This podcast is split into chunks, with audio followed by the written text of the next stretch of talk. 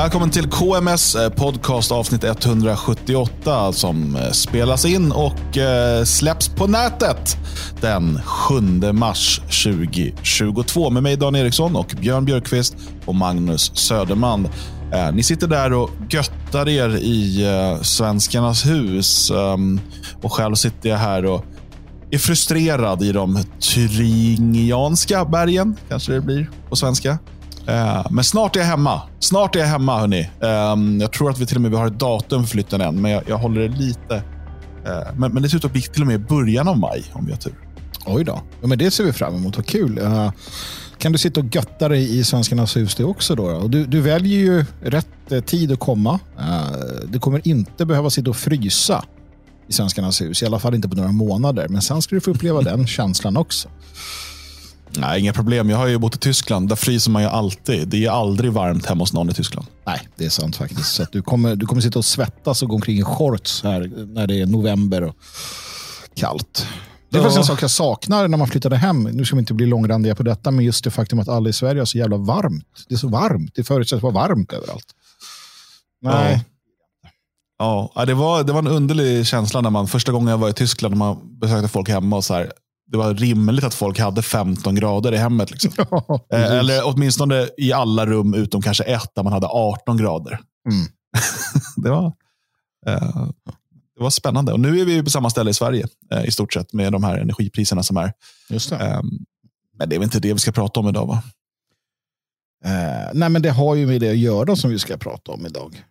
Ja, det vet jag inte. Ja, eh, det kommer vi väl till. Men det är lite så här, man sitter inför ett sånt här program och så funderar man, finns det något annat vi kan prata om än eh, liksom, kriget i Ukraina med allting runt omkring det såklart. Men, men liksom, något som inte har med kriget att göra. Finns det någon gruppvåldtäkt vi kan bli arga över? Eller kanske jag vet inte, någon politiker som har sagt något dumt som inte har med det här att göra. Så här. Det finns ju säkert sådana nyheter, men på ett sätt känns de ju futtiga. Och det hade ju känts nästan som vi skulle typ ljuga för oss själva om vi satt och pratade om sådana nyheter i ett läge där så mycket kretsar liksom kring, kring det som sker just nu i Ukraina med, med omnejd. Eller vad tänker du Björn? Jo, nej, men så, så är det absolut. I alla fall nu när det, när det händer så oerhört mycket också. Det, om några månader, så, så, om det fortfarande pågår krig där, så, så kommer det inte då blir vi ju tvungna att hitta andra saker att prata om också. För, för att um, Människor är ju sådana, man, man tröttnar efter ett mm. tag. Så då, då, blir det mer spektakulära saker. Men, men just nu när, när allting är så pass nytt och det, jag menar, det här är ju, skulle jag tro, den, den största händelsen, uh, om man får använda ett sånt neutralt uttryck, under, under det här årtusendet så här långt. Så um, det är klart att vi måste prata om det. Ja, åtminstone i Europa. Ehm, man kan prata om Syrienkriget och liksom invasionen av Irak och Afghanistan och så vidare. Eh, som har haft otroliga påverkan, påverkan på politiken och världsläget och så vidare. Men det här sker ju i vår, i vår bakgård så att säga. Um, så att det blir lite så här, var, vart, var, var börjar man någonstans? Um, och um, Det är ju väldigt svårt och det, det är en sån konstant utveckling. Så att det är nästan när vi har spelat in det här så tar det någon timme innan det ligger ute på nätet. Och då kan allt ha förändrats. Um, så att, uh, och, och, sedan vi uh, hade ett ordinarie avsnitt senast, alltså för en vecka sedan. Uh, det känns som att det, var, alltså det, det har gått en evighet sedan dess. Det har hänt så oerhört mycket. och Vi kan ju omöjligen liksom sammanfatta det här, utan vi får ta lite andra liksom, vinklar och, och ingångar på det här? Eller vad tänker du Magnus? Jo, men framförallt så är det ju så att vi inte vet vad som händer alls egentligen. Alltså till, till stor del om man tittar på uh, så kallade bekräftade liksom, kartor över hur invasionen går så, så är det ganska mycket står och stampar. Um, och sen tittar man då på de olika propaganda, eh, alltså det som är liksom, ren och skär propaganda, då har det ju skett enormt mycket.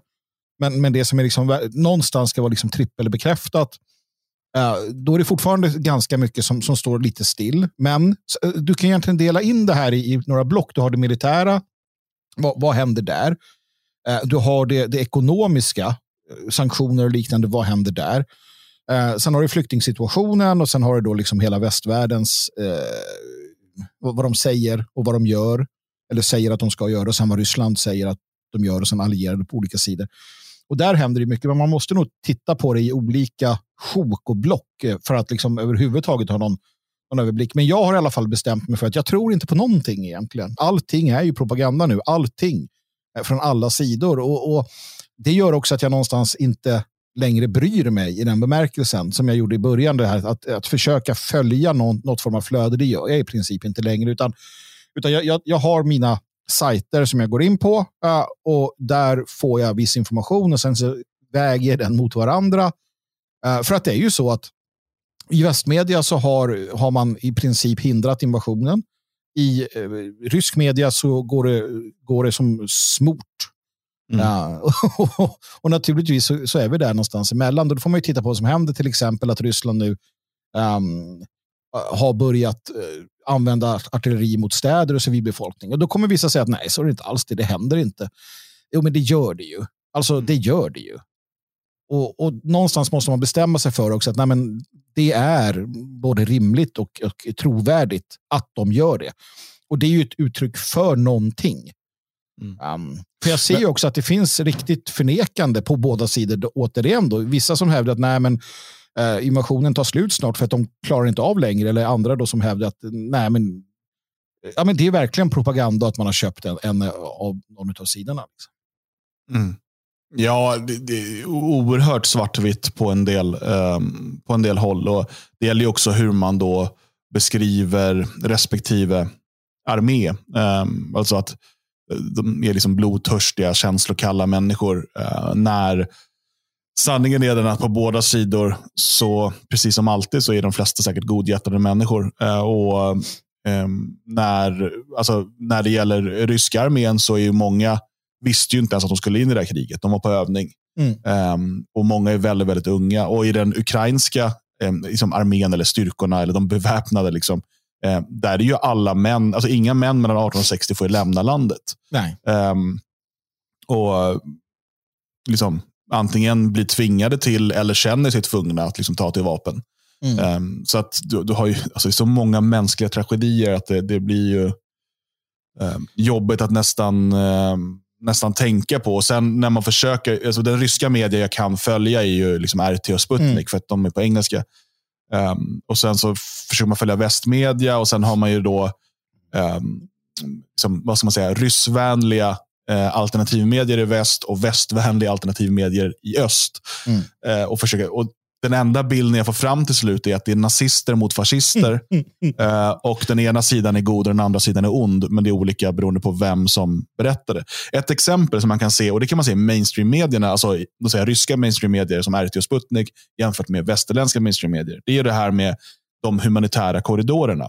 Mm. I, I Charkiv, Kiev och så vidare. Där man att ah, vi har kommit överens om ett um, vapenstillestånd eh, för att eh, göra en humanitär korridor så att civila kan ta sig ur eh, krigszonen. Eh, enligt västmedia så, gör, så liksom förstörs det här av att eh, ryssarna börjar skjuta och bomba eh, eller till och med då, stoppar civila från att lämna städerna. Enligt rysk media så förstörs det här av att ukrainarna vägrar släppa ut sina civila ur städerna. Mm. Och Ska vi bara använda Ockhams rakkniv här så skulle jag nog ge ryska medier större chans till att ha rätt. För vem, alltså det är bara Ukraina som tjänar på att civila är kvar i områden och städer som Ryssland vill bomba eller inta. Ryssland har inget att tjäna på att de här civila är kvar.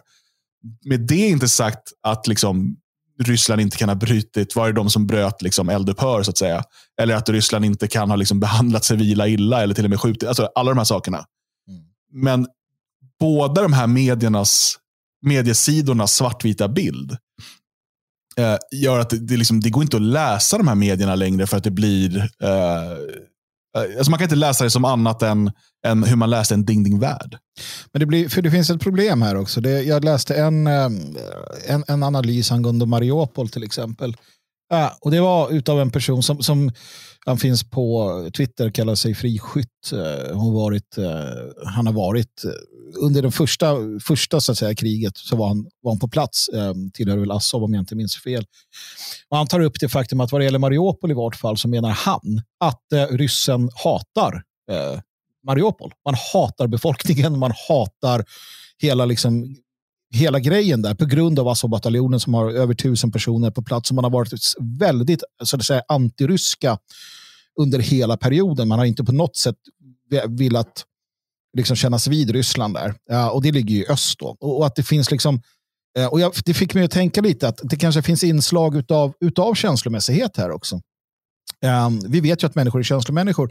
Och jag, jag får för mig i alla fall att det inte har gått som det var tänkt. Jag får för mig att Ehm, den, antingen ryska militärledningen, politiska ledningen, några där, alltså man trodde kanske på sin egen propaganda om att eh, man kom för att befria Ukraina, man kom för att befria sitt brödrafolk från fascisterna, från nazisterna. För att tittar vi på hur det ser ut i Ryssland på, på eh, och så offentliga propagandakanaler så är det ju, alltså det är ju på riktigt så att man hävdar att det är hakorsviftande nationalsocialister som styr Ukraina och som ockuperar eh, så att säga, alltså, som har, ja, på riktigt det. Jag ser ju mm. bilder därifrån man visar så här, en del tydliga photoshoppade bilder på hakorsflaggor som vajar från, från stängerna i så här städer och så där. Så det är på riktigt den retoriken. Va?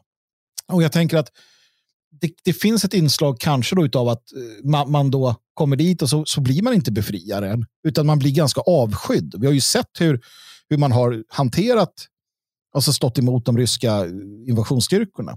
Och då kan man bli, till sist kanske man tänker, men skitsamma. Eh, med, alltså, jämna med marken då. Det här är ju bara fascister och nazister hela högen som vill förstöra mod Ryssland.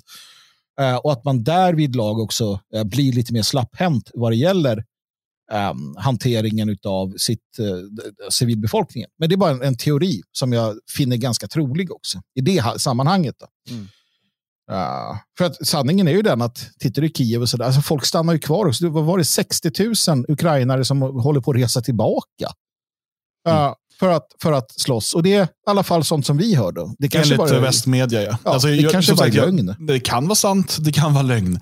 Mm. Uh, och Det är ju det här, det är inte svartvitt. Det är det jag säger, det är förmodligen inte 100% den ena parten som gör Nej. den här humanitära korridoren uh, omöjlig eller, eller försvårar den. Uh, men, men just det, det, poängen är att försöker man läsa eller titta på rysk eller, eller väst media så får man bilden av att det är den här svartvita eh, konflikten. Och det, det kanske bara är naturligt pro, alltså propaganda i krig. Det ja, finns ju ett de, litet... Ja.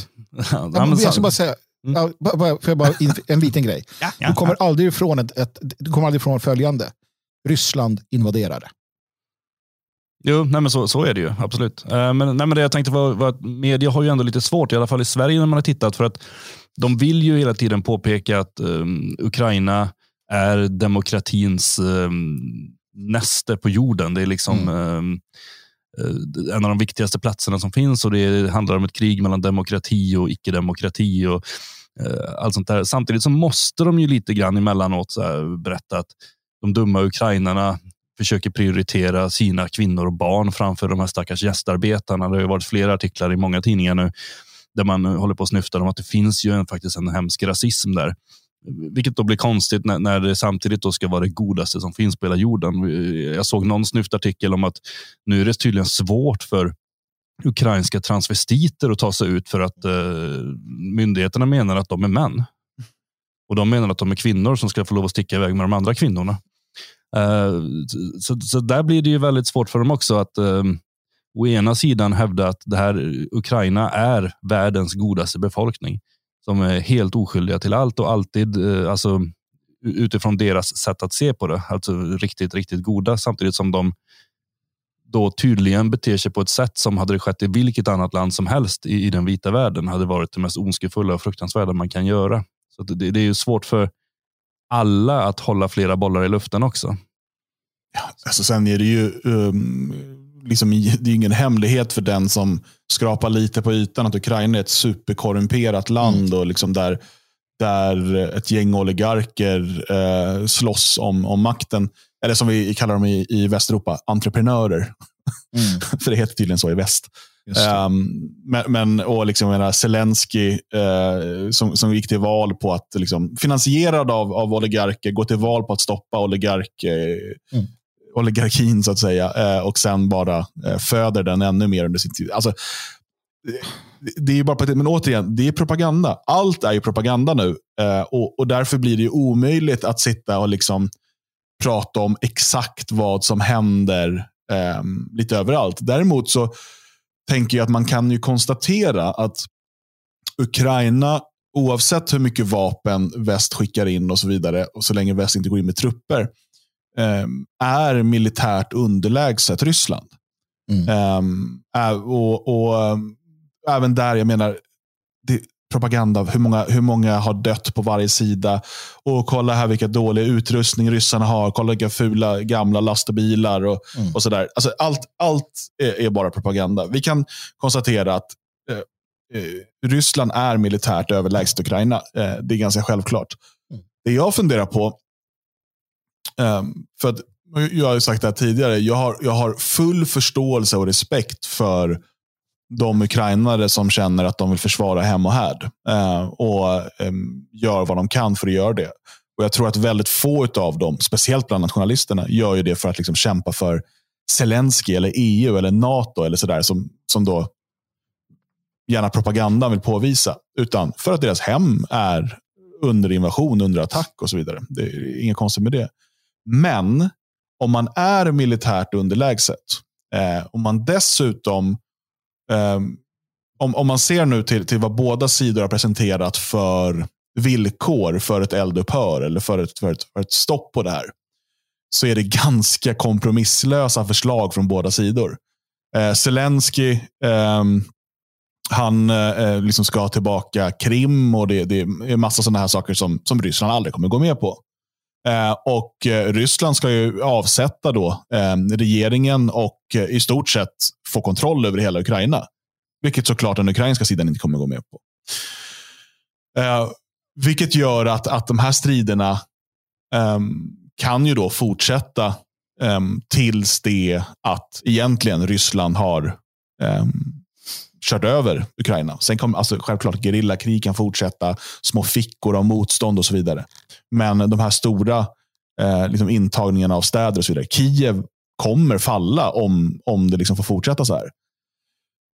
Min tanke är bara, ehm, um, finns, skulle det finnas en, liksom, vore kanske det humanitära mot sin egen befolkning av Ukraina att um, ta förlusten så att säga? Eller måste man för sin heder och av princip eh, slåss till sista blodsdroppen?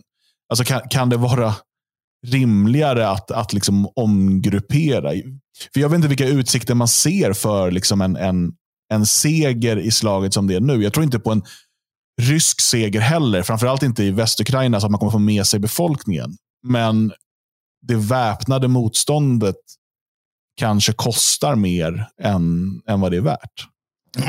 Det var det, två saker. Det, det ena är att jag läste en artikel om det här med rysk förhandlingsteknik från Sovjettiden, och både innan och efter. Men framför allt det. Uh, och den verkar gå ut på att du ställer helt orimliga krav och sen så uh, skjuter du på och krigar på utav helvete och sen så liksom mjukar det, mjukas det där till sig. Och alltså, det här är exakt Donald Trumps förhandlingsteknik i The Art of the Deal. Ja, precis. ja, och, och, Stalin var sån och, och liksom det har tydligen liksom varit så. Och att Ukraina då använder samma teknik, det är inte så konstigt för det, de är, det är samma folk i princip. Så att, det är väl en sak. Det andra är du, du frågar, eller du funderar kring kriget. Och där, ser jag, där har man väl olika sidor, olika tankar. Men eh, historien minns ju sällan de som gjorde tvärtom. Vi minns Spart, Spar, Sparta, spartanerna som sa nej. Döda oss alla då. Uh, och vi minns liksom de som uh, kon bara konstaterade att nej, vi, vi ger oss inte, utan ni får, ni får döda hela befolkningen, vilket sällan händer.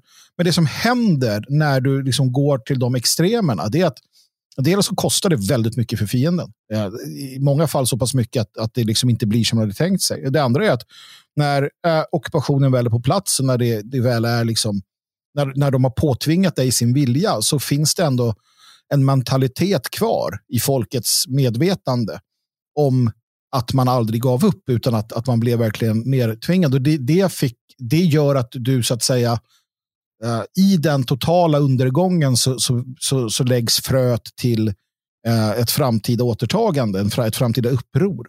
Eh, om du däremot lägger dig till sist platt och bara ger dig och låter dem komma in och bestämma. För att jag läste en annan artikel, intressant vad, som, vad det handlar alltså hur, hur det är att vara under ockupation, vad, vad det innebär så är det inte särskilt kul. Och, och någonstans så, så, resonerar man bara på det klassiska sättet att nej, men det, det, är bättre att dö.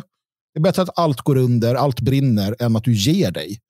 Eh, och det är en ganska fascinerande inställning som väst eh, liksom i princip har tappat någonstans, det här liberala tänket. Ja, på något sätt så gör Ukraina oss en, en tjänst när de, när de faktiskt beter sig på det sättet som ja, alla skriver om i, sina, i, i, liksom, ja, men i propagandan och hur vi har resonerat och de gamla klassikerna, riddaren som inte ger sig eller vad som helst. Liksom.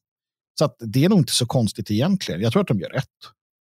Jo, men sen kan det ju också vara, jag menar, om man, om man ger sig direkt så, så har man ju uppenbarligen gett sig.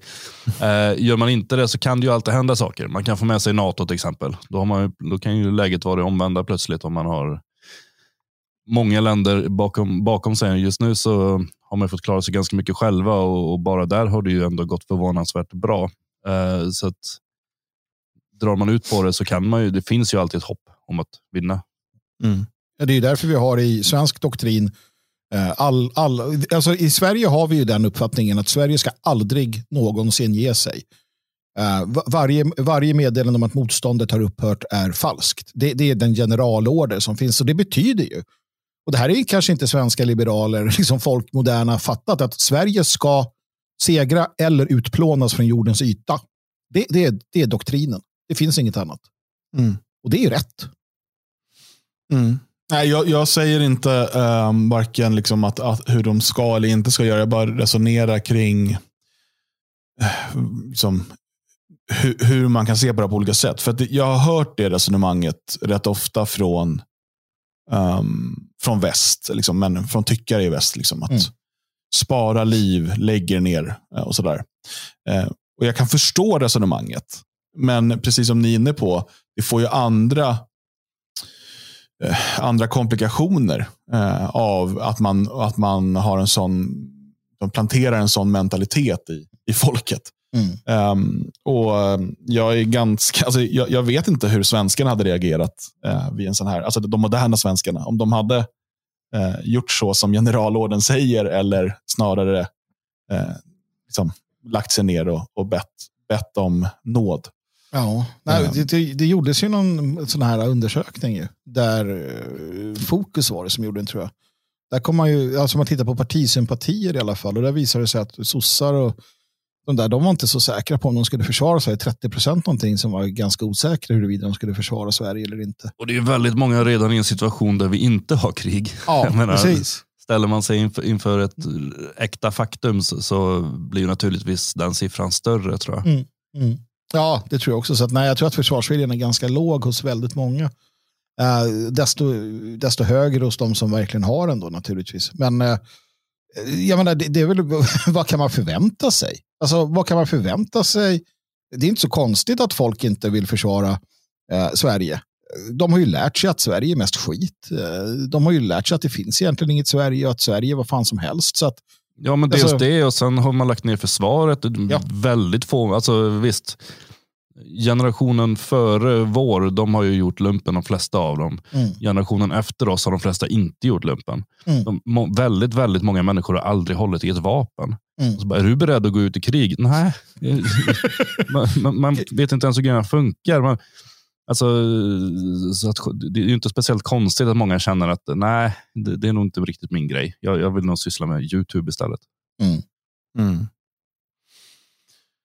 Ja, um, om man kollar lite på det, de konsekvenser som har blivit av det här än så länge, då, vad vi ser framöver. För om vi tittar på Rysslands officiella motivation för den här eh, invasionen, så ser jag det är väl tre spår. Det ena är ju då eh, att stoppa NATOs eh, utvidgning eh, och, och, förhindra att ehm, att Ukraina blir en del av NATO och att NATO kan placera trupp och, och, baser och kärnvapen och så vidare i Ukraina. Det är det ena. Det andra är um, att de menar att de um, ryska uh, minoriteterna uh, i uh, framförallt Donbassregionen är utsatta för ett folkmord. Uh, och um, att de måste rädda dem. Och Det tredje är då för att nazister styr Ukraina och man ska avnazifiera Ukraina och, och rädda dem undan. Man brukar blanda nazism och nationalism. De två mm. hemska sakerna ska man då rädda Ukraina ifrån. Eh, och Det här är då de, eh, de liksom tre huvudsakliga spåren i, i offentligt, officiellt i motiveringen. I förra veckan pratade vi om ett, liksom en, kan vara, som kunde vara en alternativ förklaring. Nu pratar naturresurser i Ukraina och vem som kontrollerar dem och sådär.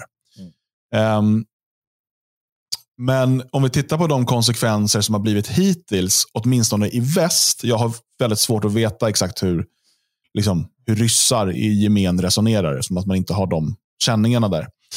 Um, men om vi tittar i väst så verkar det ju som att det här har fått Västeuropa och USA och liksom alla som tillhör den maktsfären att bli mer enade än någonsin. Mm. Eh, absolut, det finns i alla länder folk med avvikande åsikter. Men på statsnivå, på, liksom, på, på de högsta nivåerna i samhället, eh, så har liksom, länder som annars har kivats om en hel del saker här enats om vem som är the good guy och the bad guy. Um, man har sett i Sverige och Finland ett ökat stöd för NATO-medlemskap, uh, vilket kändes nästan orimligt för bara några månader sedan. Men nu känns det som att det liksom står på på tröskeln. Um, och Om vi ser det ur Rysslands perspektiv så, finns, så borde det finnas en risk här att eh, det så kallade väst då blir allt mer enat, att NATO blir ännu större och ännu starkare eh, och eh, därmed ehm, som blir ett ännu större hot emot den ryska intressesfären. Jag, för jag kan inte se att alltså, utvecklingen i väst, nu kanske Putin skiter i det, det vet jag inte. Men utvecklingen i väst kan jag inte se de här senaste veckorna att det har gått till Rysslands fördel. Nej, det, nej alltså som sagt, det beror ju på lite vad Ryssland är ute efter. Mycket tyder ju på att man avskärmar sig mer och mer och mer. Ja, så att, alltså, om, om målet är att bygga en väldigt stark uh, ingrupp, ett, ett, liksom ett imperium ehm, med en stark ingruppskänsla. Att så att säga komma tillbaka till egentligen till Sovjettiden. Eh, den den, den, den liksom inställningen med, med en järnridå av något slag eller liknande. Och eh, kunna odla idéer om, om liksom den egna förträffligheten. Så absolut, man får ju ett kompakt motstånd mot sig. Så att någonstans, eh, man kanske har gjort analysen att nej, men i den här globalistiska utvecklingen så drar vi det, det, liksom, det kortaste strået hela tiden. Uh, utifrån den, någon, någon form av den, den uh, doktrin som, som Putin med flera uh, är anhängare av. Att de har försökt. Han har försökt under många år att, att ha kontakt med väst, eller vad det, men han märker någonstans att nej, vi, vi förlorar på det, tycker han. då. Och då finns det en annan väg och det är den här vägen. För att det du säger att det, som det, alltså det kommer bli så. Uh, väst är mer enat än någonsin. Vi kommer gå med i NATO, självklart. Uh, argumentet är jätteenkelt. Titta vad som hände med Ukraina, de var inte med i NATO. Okej, okay, då går vi med i NATO. Uh, det finns inga alternativ till det här. Det, det går inte att ändra. Alltså, kaninen är ute ur hatten i och med det som hände i Ukraina. Så att det, det som det gäller för Ryssland nu det är att ta Ukraina så mycket man kan och de här Transnistrien och vad det nu heter, inlämna dem i sitt rike, se till att ha eh, kontakterna med Kina. De blir avstängda från banksystemet, de startar sina egna eh, kort tillsammans med Kina, så, så blir det den här klassiska öst och västdelningen. Och det finns ju många som tjänar på den. Eh, väst, västeuropeiska oligarker naturligtvis. Jag menar, man ska titta på det hela kalla kriget var ju en, var ju en, en, jävla bra tid för, för många. Jag menar Rothschilds utrikesminister eh, eh som de hade då, Armand Hammer, han åkte ju skytteltrafik mellan New York och, och Moskva och, och, gjorde handelsavtal. Alltså de blev ju stenrika. Sådana som Soros och liknande kommer ju kunna skära guld med jag vet inte vad liksom, i, i, den nya, i den nya världen som växer fram. Och då den här liberala världsordningen kan åter Alltså, tänk bara det här. ja, men risken för spioneri, aggressivt Ryssland. Vi måste ha de här passen, det här elektroniska övervakningen på plats för att ryssen är ju livsfarlig, den nya liksom, Ryssland. Och alla går med på det. Så det är det vi kommer vandra in i um, på grund av det som händer nu. Så är det bara. Mm. Ja, och sen om man då ser till oligarker i öst, eh, Ryssland, Kina och så vidare. Mm. Eh, om, man, om nu västföretagen drar sig undan från eh, marknaderna där, mm. eh, så måste det ersättas med någonting. Ja. Eh, och Det skapar ju naturligt eh, otroliga finansiella möjligheter för, för oligarkerna i den, i den delen av världen. Ja, för, för att världen går inte under. Alltså om man nu delar upp sig. För det är ju allting är tydligt. Det verkar som att till och med, jag visste inte att det ens var möjligt, men man ska ju liksom hoppa av internet på något sätt. Alltså, Ja, man bygger en egen internetstruktur i alla fall. Mm. Um, men det, och det är ju sådana saker, det vi ser nu de senaste veckorna är ju en... Uh, alltså, båda sidor bygger upp en egen, så här, man pratar om Kinas då, the great internet wall of China. Mm. Uh, men i, i Ryssland nu så, så spärrar man ju Facebook och Twitter och sådär. Um, med, medan uh, man då i väst spärrar liksom tillgången till, till ryska eh, nyhetsmedier och, och, allt möjligt. Mm. Um, det görs på lite olika nivåer. Så, som alltid då i, i väst har man då eh, man, säger, man, man har lagt ut det på entreprenad, alltså till företagen. Att mm. de, de får liksom order om det, men det är företagen som spärrar. Det är inte staterna oftast mm. som går in och spärrar, eh, utan det är olika företag som inte gör det möjligt. Då. Men de gör det under tryck. Eh, till exempel då via EUs eh, sanktioner nu, när EU och sa att man ska förbjuda RT och Sputnik.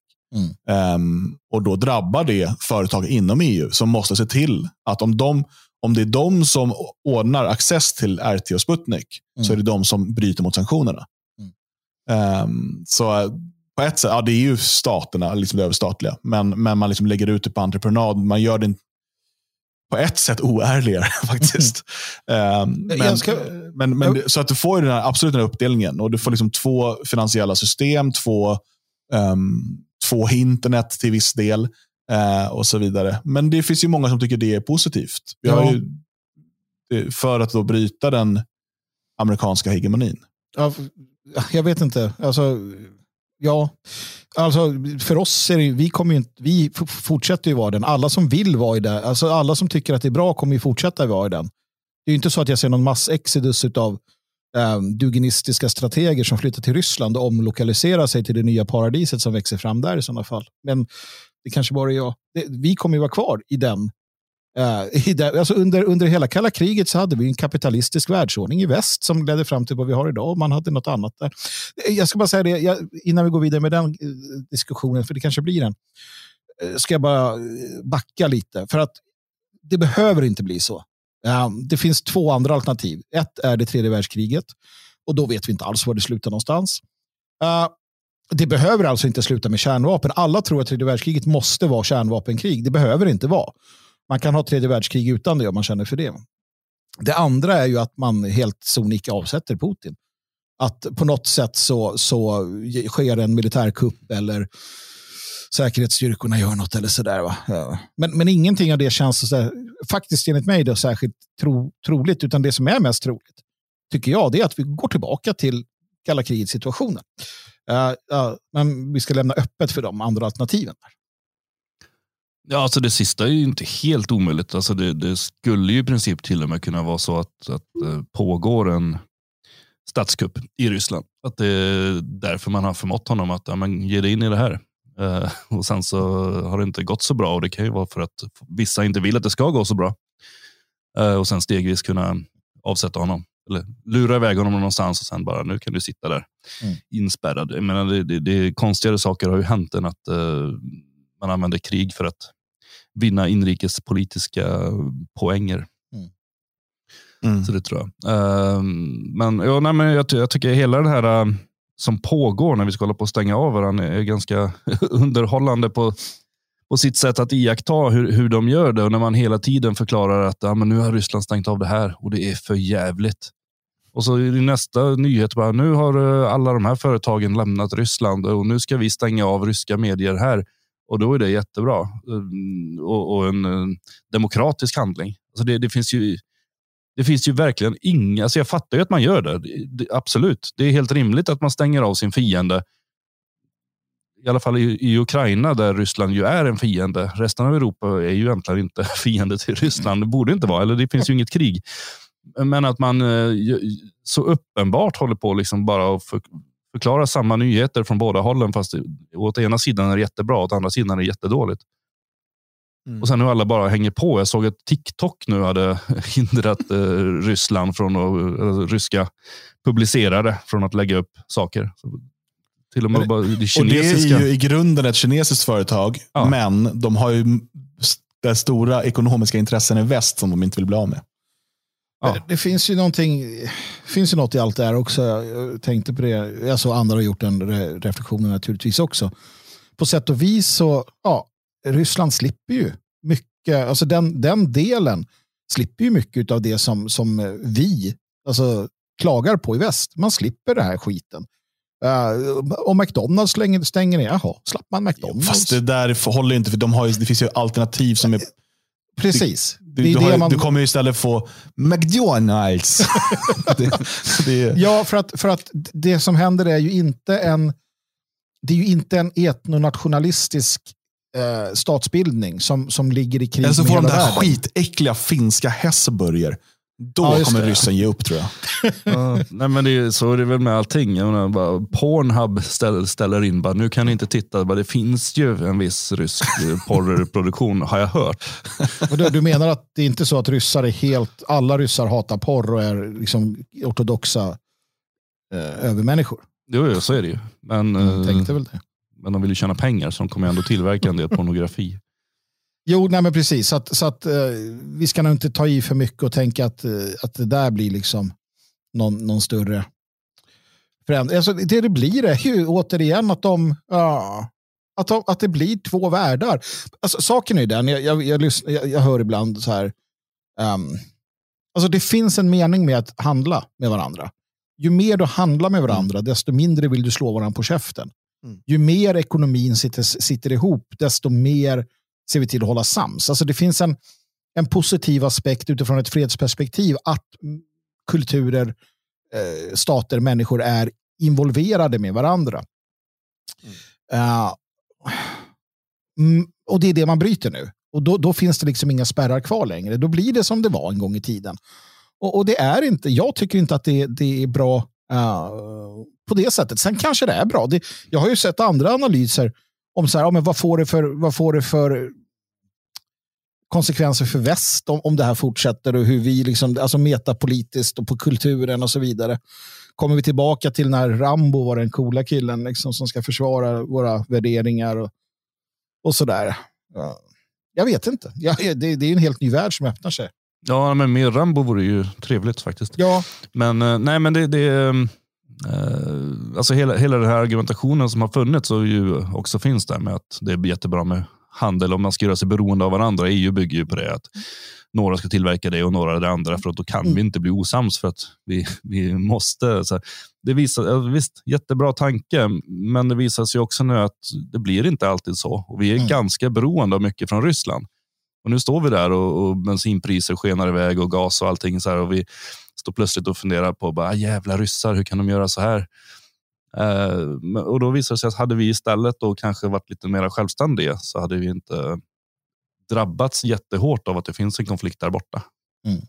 Men sen är det ju så också att alltså, oavsett vad vi tror och tänker, uh, vi har ju delvis minnen av kalla kriget uh, och liksom eh, vad det, vad det var och hur det var. Uh, men historien upprepar sig förvisso, men sällan upprepar den sig exakt. Så att det vi får är ett nytt kallt krig och det kan bli precis vad som helst. Um, det, det, är ju hela, det är ju problemet med, den här, med krig som vi alltid har sagt, att det kan, vad fan som helst kan hända. Liksom. Det är ingen, ingen aning. Den här gången hoppas jag ändå att Sverige, alltså för barnens skull, att man väljer att köpa in barnprogrammen från västsidan istället för från östsidan som vi fick. ja, du, du vill alltså bo i det här äh, fallna väst hellre än... Uh... Ja, men lite hellre Kalle Anka än, än John Blund. Hallå. Tjafsa inte med Sandman. Kolla på han varje kväll med barnen. När han åker runt och sprider socialism i världens alla länder. Eh, men ja, nej, och tänk att vi ska prata om det där och lite vad, hur vill man vad vill man själv bo i för land? För det, jag tycker att den här romantiseringen av till exempel Ryssland eller um, liksom Asien och, och liksom östra, Östeuropa och sådär, den är, den är rätt intressant. Jag tänkte bara först passa på att tacka alla er som um, är stödprenumeranter, för det är ni som gör Radio Svegot möjligt. Och sedan vårt senaste ordinarie avsnitt uh, har det kommit in ett gäng nya stödprenumeranter som jag vill hälsa välkomna och uh, tacka för stödet. Och Det är Marka Koskenkorva, Pauli, Karlsson Rob, Kung Mariedam, Huftlansa. Det där visste jag att det skulle vara svårt att säga. Huft.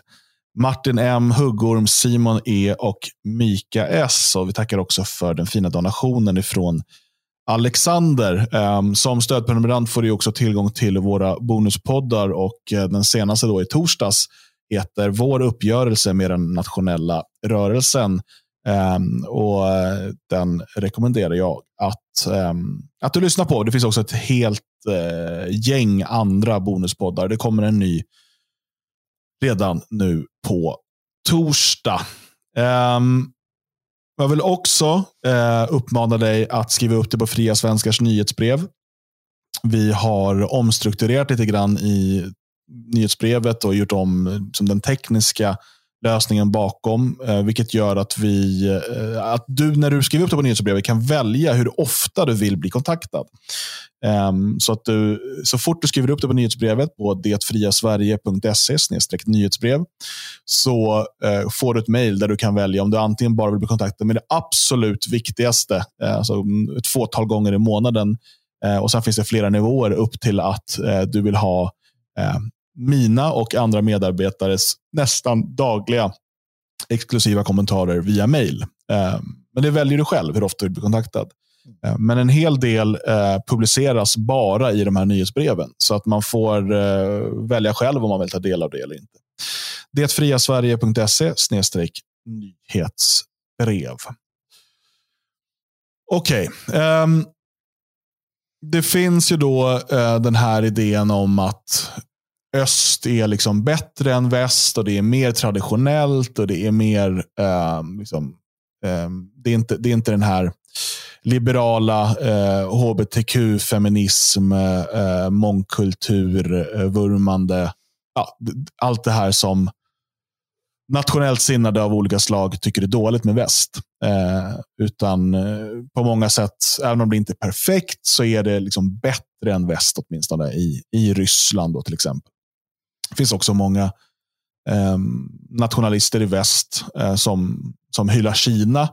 Eh, men låt oss lämna Kina åt sidan eftersom att det är ett helt annat folk. Ryssarna är åtminstone vita.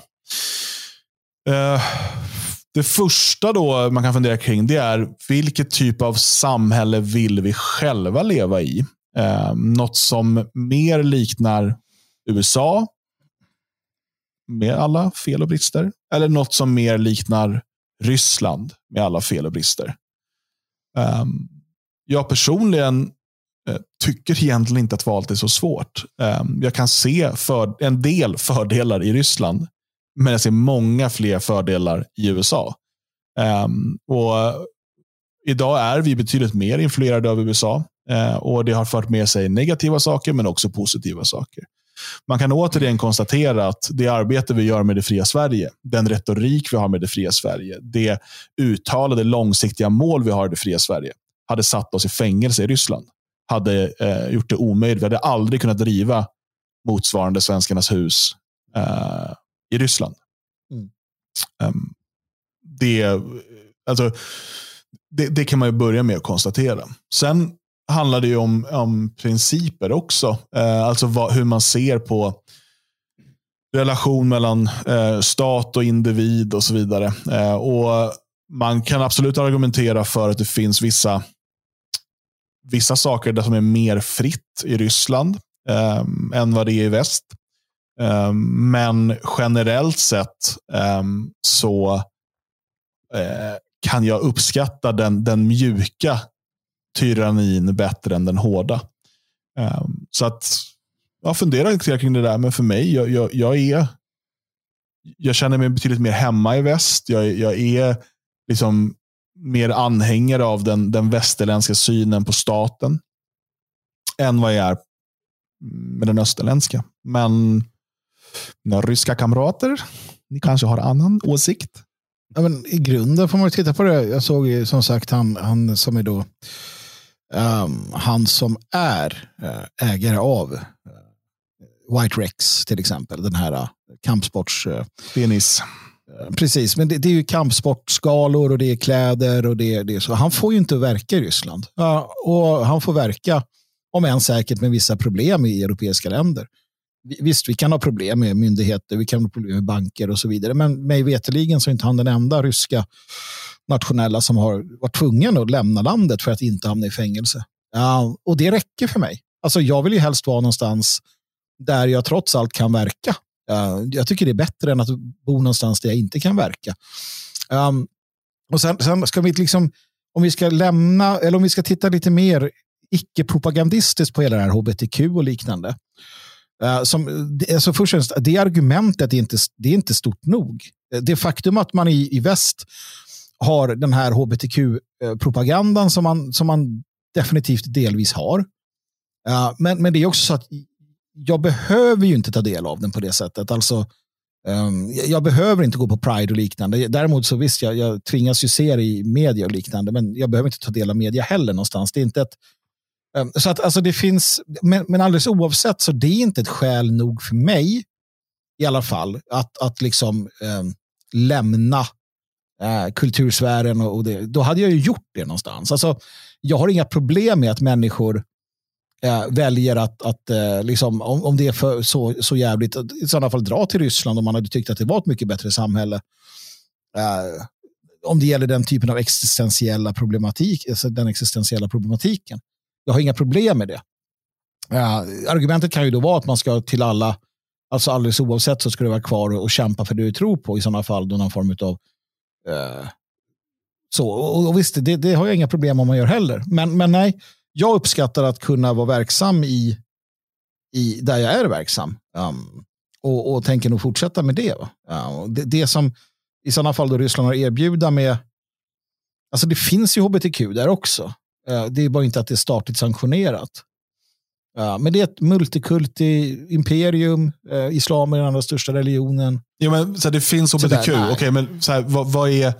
Vad, uh, problemet med hbtq i väst är ju inte att det finns homosexuella eller att homosexuella inte eh, liksom, behandlas illa. För det, Jag tror inte att någon av oss tycker att man ska liksom, behandla människor illa, av den, speciellt inte av den anledningen.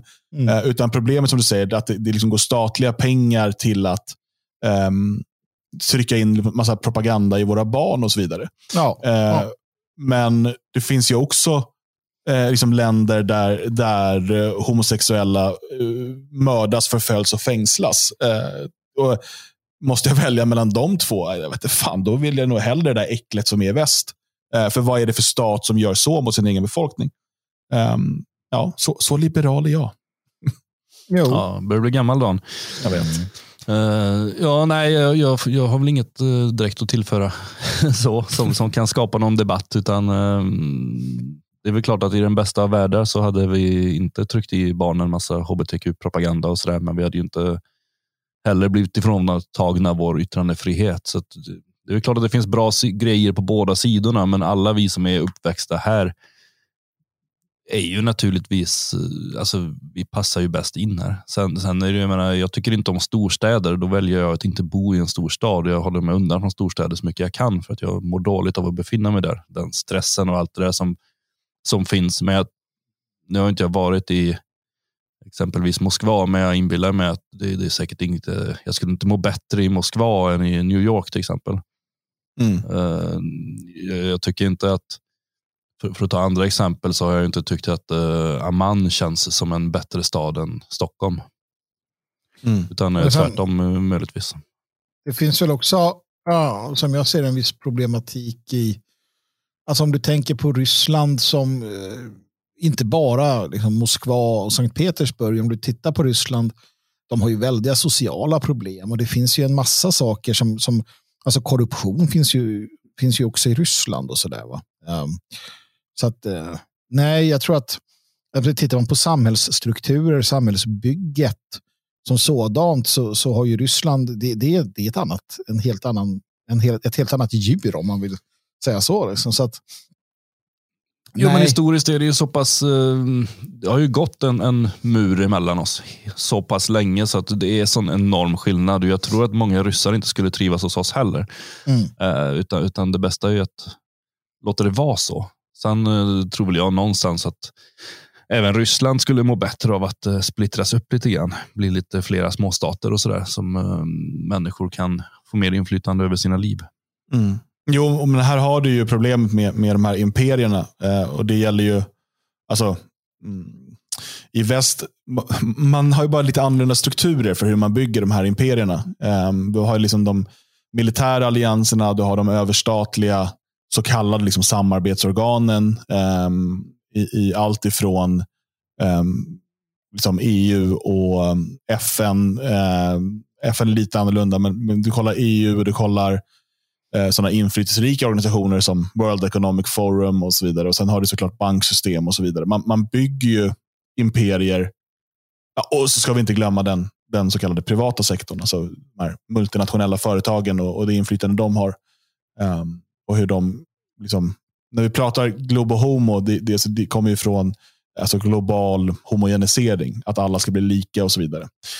Um, och, eh, så att du har det, det imperiebyggandet i väst. Eh, och, och sen har du i, i öst har du ju mera, vi pratade om det tidigare, idealism kontra realism. Um, och där i, i, Ryssland har man ju med den här realpolitiska, den realistiska synen på imperiebyggandet. Där man eh, med vapenmakt och, och, och might is right eh, lägger andra länder under sig. Um, på det sätt som vi kanske ser nu då i Ukraina till exempel. Och vi såg tidigare Georgien och Tjetjenienkriget ehm, heter det på svenska va? Mm. Um, och, ehm, och så vidare.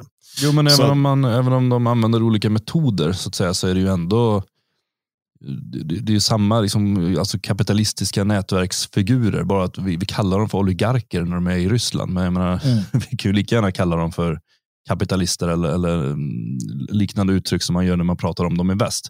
Mm. Det, är ju, det, är ju, eh, det pratades ju för ett gäng år sedan där om att eh, ja, nu börjar Putin rensa ut uh, oligarker. Bara, jo, de oligarker som inte var hans polare som ville få bort sina konkurrenter, mm. de blev bortrensade.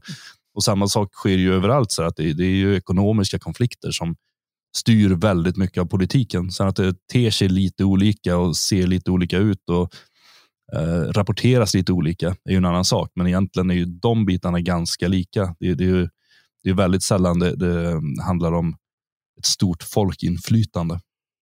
Mm. Mm. Nej, visst är det så. Jag, jag är ju helt med dig i, i den här analysen av att vi skulle behöva betydligt fler och mindre stater och, och, och um, liksom, olika typer av um, ehm, organismer eh, i, runt om i världen. Men, men eh, och, och, det, är, det är en typ av, en typ av utopi eh, såklart. Eh, och det kommer alltid finnas imperiebyggare. Eh, men, men när man pratar om principer eh, så är ju, är ju det, tycker jag, en, en självklar vision. Men i grund och botten, vad är det för jävla frågeställning? Ärligt talat. Vilken av dem? Men vad vill vi helst ha? Det vi har nu eller Ryssland? Alltså, det, det vi har här har vi så att säga har utvecklats hos oss på grund av oss. Vi har varit delaktiga i det. Det är en del av oss. Man kan tycka vad man vill om det. Men det är en del av oss. Det, det har liksom växt fram, det liberala väst. Det är en del av vårt kynne, alltså hur det har blivit på, på det sätt det har blivit. Och vi har blivit utnyttjade, ja. Det har varit propaganda och det har varit allt möjligt. Ja, och det, det, är, det är en produkt av våra folk som, som lever och bor här. Vi vill ändra på det. Vi vill göra annat. Det finns olika idéer om det. Som nationalister har vi en idé och vi vill ändra på det. och så i Ryssland har det utvecklats och blivit som det har blivit. Alltså man, kan inte, man kan inte ta bort det faktum att det är i sin kontext. Det är klart att man inte vill överflytta deras under flera århundraden utvecklade system uh, och liksom samhällsbygget till vårt eget. Fast det ju låter ju på vissa som att man vill det. Jo, men det är ju helt absurt. Det, då, har man ju, då är man ju bara konstig. Alltså, Men, men det är här, och jag, jag, för mig blir det också så motbjudande när jag ser vissa ehm, prominenta eh, nationalistiska eller tidigare nationalistiska eh, figurer eh, från Europa som ehm, skriver så, så hyllande eh, om, om Ryssland nu och tar en sån ensidig ställning. Eh, när jag vet alltså av, av erfarenhet, jag, jag har ju själv fått ett antal inbjudningar eh, till Ryssland. Av olika anledningar har jag tackat nej eller inte kunnat åka ehm, för att delta på konferenser och, och få besöka um, Duman och massa sådana olika saker. Ehm, och Då har ju de här andra människorna berättat som har varit där tidigare. De har sagt att du ska åka. Eh, du vet, du, du, man får, det är så jävla härligt. Du får lyxhotell och det är kaviar och det är bla bla bla och dyra champagner. Du vet. Man får inga pengar, vad jag vet, av Mm. Ryssland. Men du eh, smörjs eh, på klassiskt politikervis. Mm. Ehm, och för nationalister i väst så är inte det, det är inte en behandling man är van av att få i Bryssel eller om man åker på Berlin i Frankfurt, eller på besöker Frankfurt. Eller sådär. Ehm, utan det är en helt annan. Ehm, så jag, jag Mm. har ju sett hur de här människorna i stort sett blivit förändrade av de här besöken. Um, återigen, de, det är inte, ja, det är väl en typ av mutor. Det kan man ju kalla det, men, eller en typ av men, men, det är så, man, så som alla stater jobbar med, liksom, där man vill kunna bygga någon typ av relationer. Um, och eh, när de här människorna nu sitter och säger att de är, liksom, är så himla um, glada i, i Ryssland och Rysslands ageranden, uh, så får jag, liksom, jag får en sån här verkligen bitter smak i munnen och jag blir besviken på dem. För att jag vet att det inte är många år sedan jag hörde dem sitta och berätta om liksom, att jag ska åka till Ryssland för att man får, man får liksom så mycket lyx och ja, kvinnor och allt möjligt som liksom skickas på en där. Ehm, och ehm, jag, jag, jag, det, är bara, det är motbjudande. Eh, och ehm, återigen en av de här anledningarna till det här som vi pratade om i torsdags, att man jag känner mig rätt färdig med den så kallade nationella rörelsen.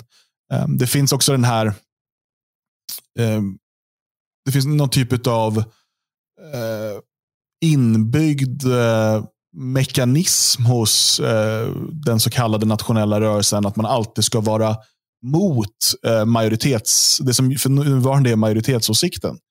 Mm. Ehm, och att man liksom bara av ren princip ska nu ställa sig, eftersom att hela, hela väst har nu ställt sig ehm, på här, Ukrainas sida och fördömt Ryssland.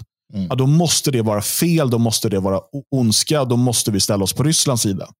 Ehm, och alla i väst, alla politiker, alla i media, alla, de, de, är, de har alla har onda avsikter. Alla vill illa. Ehm, när verkligheten är så oerhört mycket mer ehm, komplex än så. Och en del skulle då hävda att ja, men det är för att eh, liksom metapolitiskt på sikt så är det bättre med ett starkare Ryssland för då får vi den här eh, multipolära världen och Ryssland är mycket mer traditionellt och Ryssland är bla bla bla. Ändå väljer de här människorna, eh, många av de ledande liksom, nationella figurerna eh, bor ju inte längre, precis som jag själv, i sitt, i sitt hemland. Nu är jag på väg tillbaka. Men eh, av olika anledningar så har man, har man hamnat runt omkring i Europa. Eh, men ingen har valt att flytta till Ryssland. Ingen har valt att flytta till Kina. Eller ingen har valt att flytta till eh, liksom den biten. Men man bosätter sig i, eh, här i Tyskland, man bosätter sig i Polen, i Ungern, man bosätter sig eh, i Frankrike, i Spanien. Eh, men man bo, eller i USA. Vi har ju liksom svenska och, och brittiska och tyska nationella som flyttar till USA och sitter och hatar väst. Eh, varför flyttar de inte till Ryssland? Varför etablerar de inte sina företag i Ryssland? Om det är bättre.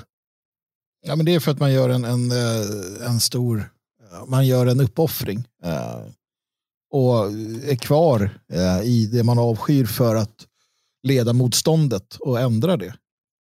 Det är därför man gör det, såklart. I alla fall i den egna förklaringsmodellen. Och det, är inget, det, är, det här är ju inget unikt. Nu är det vi som, så att säga, vi inom citationstecken, nu är det den här, jag menar under Sovjeteran så ja, hade vi ju eh, liksom KPMLR som liksom hade statsbesök i princip. Man, man kände sig varmt välkomna av Sovjet. Eh, Frank Både var som en uppburen statsman eh, och kunde liksom eh, berätta om det hemma vid och så vidare. Det, det är ju samma sak vi ser nu, samma mentalitet. Um, samma Uh, samma samma liksom saker. Frågan, frågan blir då hur... hur... Ja, fast jag, jag, kan, jag kan tycka att det är okej okay om, man, om man är kvar i sitt hemland. Uh, om, man som, om man som tysk är kvar i Tyskland, absolut, mm. det är ju rimligt som tysk nationalist. Ja, ja. Men om du ändå, som jag, då, uh, flyttar utomlands. Jag flyttade utomlands första gången 2006. Mm. Visserligen till Baltikum, men det, ja, det, det är väl någon gränsfall. Mm. men um, och, om man då har möjlighet att etablera sitt, sitt nationella eh, förlag eller mediebolag eller vad det än är eh, i ett annat land. Och så mm. väljer man ändå att göra det i det här degenererade liberala väst som, som är skit. Istället ja, men, för det ja, fantastiska traditionella Ryssland. Ja, det, det, är ju, det är ju underligt, såklart. Det är det ju. Men det är väl som sagt ett uttryck för att man... Eh... Till och med bosätta sig i ett NATO-land Istället för att liksom bosätta sig och betala skatt i ett land som ska bekämpa NATO då, när man hatar NATO. Det vore ju... Ja, nej, absolut. Och, men det, det, är väl det snarare då. Så, så är det, det, det är olika aspekter såklart. Det ena är ju liksom eh, tron på sin egen liksom, överlägsna analytiska förmåga. Um, uh, att man gör, alltså att det, det, finns tusentals skäl till varför man kan motivera sig själv till att göra en massa saker som för andra är helt orimliga såklart. Um, så det är nog inte det är nog inte konstigare än, än, än så. Men, men det, blir ju, det blir ju lite knepigt utifrån sett och det här kommer ju, de som gör det kommer ju få höra det såklart. Ja, och det här kommer ju inte, ja, det, det kommer ju inte bli nådigt. Jag såg, jag såg ju också hur, um, för, att, för att det finns ett, jag, jag skrev ju det på Twitter här, att jag började reta mig på jänkare som sitter borta i USA och har en jävla massa åsikter om ett krig i Europa. Uh, och nästan så här eh, småskrattar åt det. Och det där är något typiskt, det där har vi pratat om tidigare. Det är någonting visst med det där. Uh, jag såg att polska nationalister gjorde en längre utläggning uh, kring detta och namngav ett antal personer. och försökte liksom någonstans förklara och be de här människorna att sluta liksom förledas utav, utav det här som, som, som ni, de då ser i Ryssland. Och jag kan väl bara säga detsamma, man hoppas att de gör det. För att jag litar mer på ryska nationalister, ryska nationalister som har flytt, för, flytt Ryssland för att de riskerade livet där. Och, och, och polska nationalister och människor som har levt under, för att det finns faktiskt människor som är gamla nog att de har levt under sovjetiskt förtryck eller levt i DDR eller vad du kan tänka dig. Mm. Uh, varit ockuperade. Vi har ester och letter litauer som jag personligen känner som, som, som levde när de tvingades in i, liksom, uh, och det var kommunism hit och kommunism dit, det, det är snarare ett ryskt, en rysk mentalitet till, till det. Liksom. Mm. Um, och där man än idag har ryska då, minoriteter som är ganska stora, som är väldigt sådär krävande. Um, och så. så att det finns ett, ett problem här som man inte ska uh, bara, bara avfärda. Sen har vi våra problem med, med Globo Homo, vi har våra problem med de västerländska liksom, liberala eh, demokratin och det ska vi fortsätta att bekämpa. Eh, och vi ska vara glada över att vi kan göra det. Jo, men det är väl lite det som är grejen om, om man eh, om vi struntar i just var människor bor när de kritiserar, men, men det som finns i kritiken är väl just en oro att eh, öst ska dö helt enkelt. Alltså att man, man pratar om att bevara kulturer och sådär, men, men blir det en McDonalds-kultur eh, i Ukraina nu till exempel så, så dör ju deras ursprungliga kultur ut, ungefär som den svenska kulturen i princip har dött ut av amerikanisering. Vi har ju blivit ett, en Amerikastat. Och det, det, är väl där kritiken grundar sig, misstänker jag, eh, ganska mycket. Snarare än att det är jättebra att eh, Ryssland är störst i världen. Jo, men har den dött ut? Nu, om vi ska, nu ska vi vara lite kanske sådär. I vår egen propaganda så gillar vi att säga att det finns ingen svensk kultur. Det finns ju massor vi ägnar oss också åt propaganda. Det finns ju alltså jag bor ju i ett, ett också McDonalds-land, men det är väldigt annorlunda från Sverige kan jag säga. Ja, jo, men där har du det. Alltså, saken är den. Men jag menar också att, att det finns ju, alltså, det finns svensk kultur, det finns definitivt, um, det finns definitivt uh, försvarare av denna, hembygdsföreningar, en massa och alla möjliga saker vi hittar på. Um, och, och, alltså hur den är, så den, den här amerikanska antikulturen, den har ju inte lyckats förinta svensk kultur, norsk kultur och så vidare. Sen är det ju så också att, att kulturer förändras. Vi hade liksom romarriket. Eh, hur förändrade det Germanien?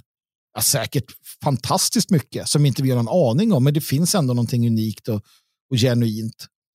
Um, så att, eh, man, man, ja, nej, jag ser ju inte jag ser ju inte det som ett, och då Ukraina som är långt mycket mer homogent och, och starkt. Så de är ju där vi var då för, inte vet jag, 80 år sedan eller någonting. Mm. Så det finns ju ändå motståndskraft. Men alltså, det är klart att det finns ju en, en, en, liksom en amerikansk uh, kulturimperialism. Um, men uh, den, ja, jag vet inte. Ja, alltså... men i, så här då, då. I, I Estland så var man förbjudna att sjunga sina egna sånger. Ja. Uh, under, under Sovjettiden. Den sjungande revolutionen var ju det som sedermera, eller om det var Lettland eller Litauen, ursäkta, jag kommer inte ihåg. Men alltså, jag tror att det var i alla dem. Um, så att, ja. äh, du har ju en mjuk eller en hård. Uh, alltså, och, återigen, jag föredrar den mjuka, för då kan vi ha, vi kan sjunga våra egna sånger i Sverige. Vi kommer kunna göra det väldigt länge. Um, I ett Ukraina som faller till Ryssland, där man har en hård, så att säga, uh, en, ett hårt imperietänk, till skillnad från, från väst, så kanske man förbjuder dem att sjunga sina egna sånger. Um, och, och, det är ju ett minst lika stort hot då mot kulturen. För att om man tittar på det så, så det som Vladimir Putin säger är att Ukraina inte är ett land. Det, det finns inte. Och ukrainare är ryssar och det är då, då, är det den ryska kulturen som gäller. Det är ju inte så att han kommer säga, ja men vi tar det här, sen får ni ha er kultur precis som ni vill och Ukraina och er, er egen historia, utan då blir det ju en del av det ryska imperiet. Och det är ju om något ett sätt att döda en kultur. Whoops, kan man säga då. Whoops kan man säga då. Ja. Men ja. då lever ju den ryska kulturen vidare i och för sig. Och det är väl kanske i sådana fall det man är ute efter. Även från de som alltså, de är ryska kulturapologeter. Då. Jag vet inte. Mm. Nej, jag köper inte. Vad, vad får det här kriget då för konsekvenser för vanliga svenskar? Um, på kort sikt här så um, man, man skyller till exempel nu de, de astronomiska bensin och dieselpriserna eh, på det här kriget. Eh, trots att eh, mer än hälften är skatt.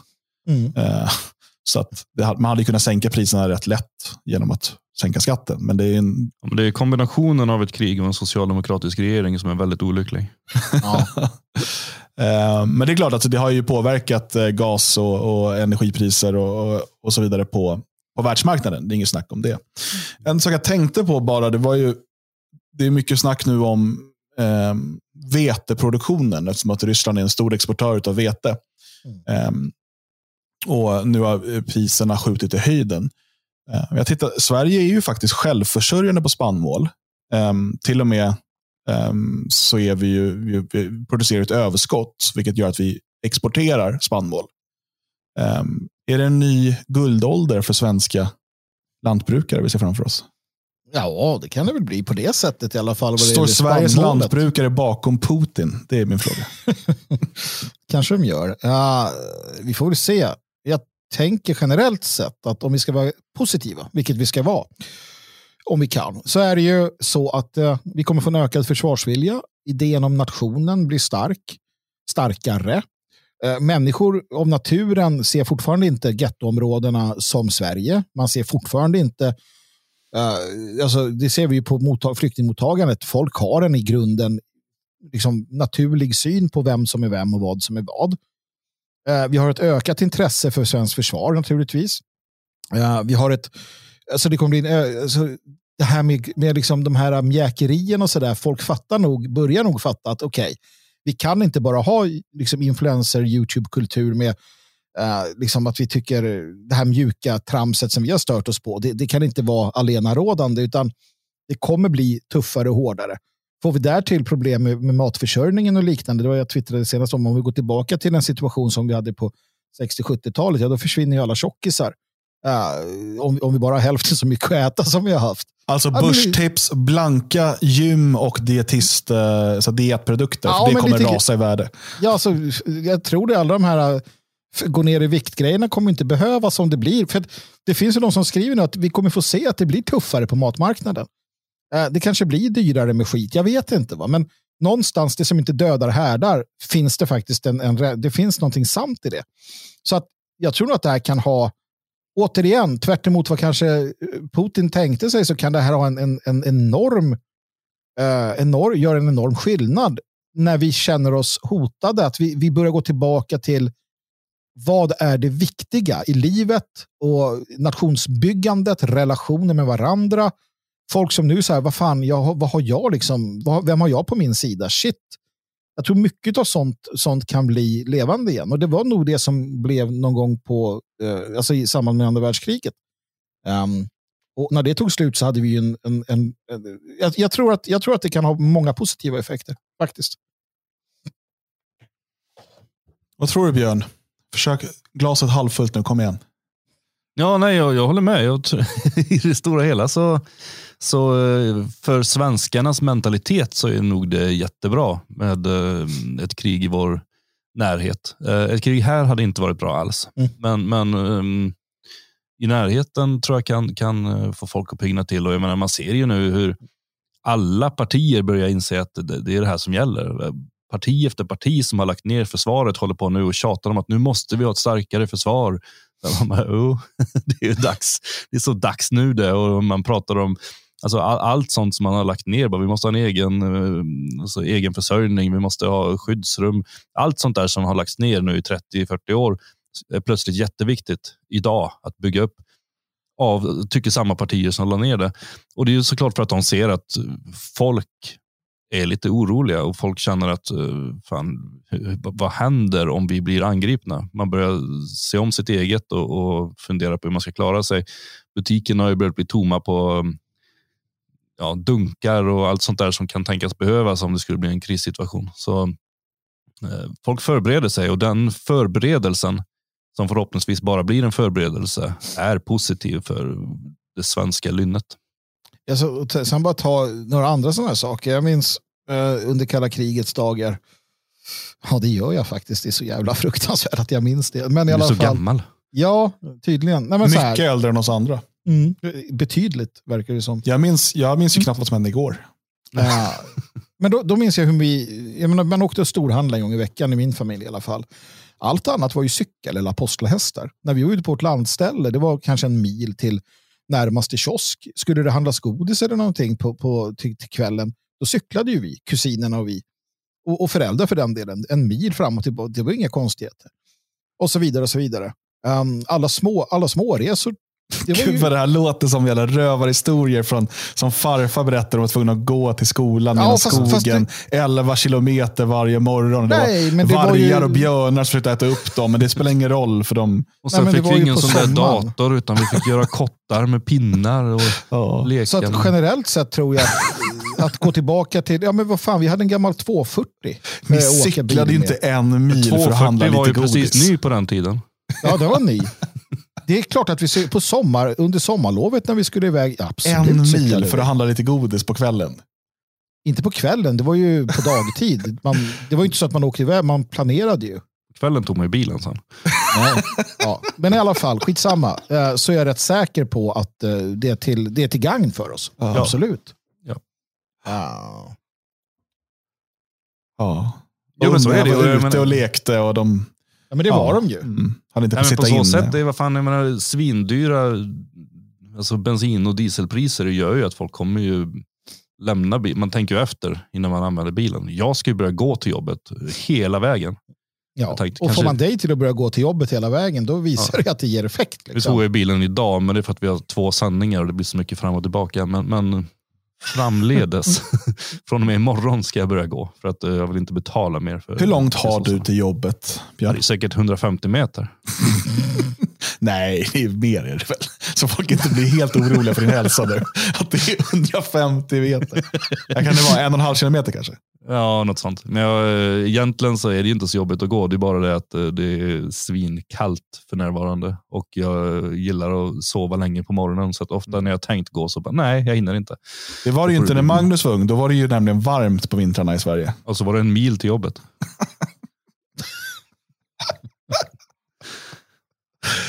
Magnus, kan du berätta mer när du var ung? Jag tycker det är så härligt att höra om sådana här, historier. Man, Jag, jag, det är så konstater- knappt, knappt i runskrift. Liksom. jag konstaterar bara att det var, det var en mil eh, från fram och tillbaka Östernäs kapellskär. En mil. Ja, Ja, det är ju båt emellan. nej, vi cyklade. Ja, jag, jag kontrollerar detta på Google eftersom ni sitter och hånar detta. Så var det precis så. Det var på sommarhalvåret. På vinterhalvåret, då farmor levde själv där, eh, så var det mycket, mycket svårare. Eh, men då var, det, då var det storhandling en gång i veckan och sen satt man där.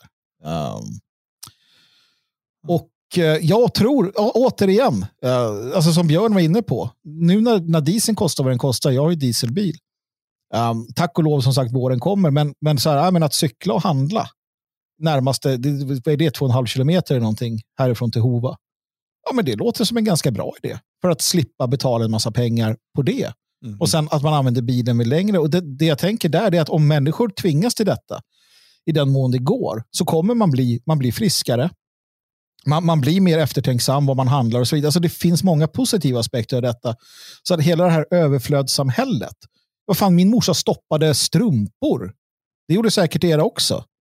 Vi köpte inte nya strumpor bara för att. Alltså det var ett, för de hade ju blivit av sina föräldrar som upplevde nödåren så fick ju de lära sig en viss mått av eftertänksamhet även om man gärna hade lite extra för att unna sig det man inte fick när man var barn. Men vi tillhör generationen som skiter i vilket och slänger allt.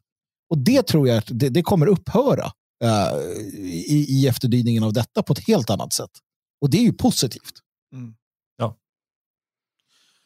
Ja, vi får se om vi kan eh, diskutera vidare det här eller något helt annat i kvällens livestream som ju går 20.00 på eh, YouTube, Odyssey, D-Live eh, och på Twitter. Du hittar alltid en spelare högst upp på svegot.se någon timme innan sändning. 20.00 startar vi alltså. Odyssey har nu förresten en app till Android Um, som går att ladda ner via den här Google Play Store, vilket gör mig lite orolig. Uh, vilket, men, men så länge den finns där och så länge det funkar så kan ni ju uh, passa på.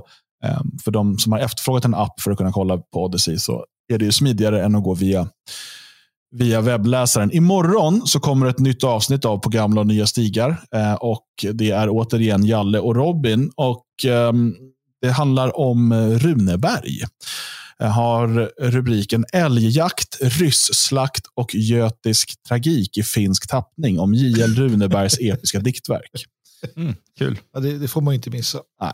Med beskrivningen då, Jalle och Robin beger sig till de tusen sjöarnas land för att granska de, epis, den ep, ja, de episka diktverken Älgskyttarna, Kung Fjalar och Fänrik Stål Sägner av Johan Ludvig Runeberg. Det är tre av den svenskspråkiga lyrikens bästa och älskade verk. Nu måste det stå mest älskade verk. Där. Jag får Ja, det måste du göra. Mm, verkligen, det har varit Slarvigt. debatt. Ja, redan det enda, för det stod, istället för sjöarna stod det skönas. Alltså inget A där. Man undrar ju om, om Jalle klarar av, kan hantera det svenska språket. Ja, jag vet inte, jag ska nog inte lyssna på det här tror jag. Nej, det verkar väldigt dåligt. De har också skrivit älgskyttarna med E. Ja, men den heter nog så Ah. ursprungligen. Ja, jag vet. Men eh, man kan ju rätta till det i och för sig. Vi behöver en modernisering av allt. In med hen där det går. Ja, men jag. mycket amerikanska ord tycker jag. Vi konstaterade nu att vi vill Ja. gärna ha det. Ja. Det är i alla fall så våra belackare kommer tolka det vi sa. En dikt som inte börjar med Joe är inte värd att lyssna på. Nej.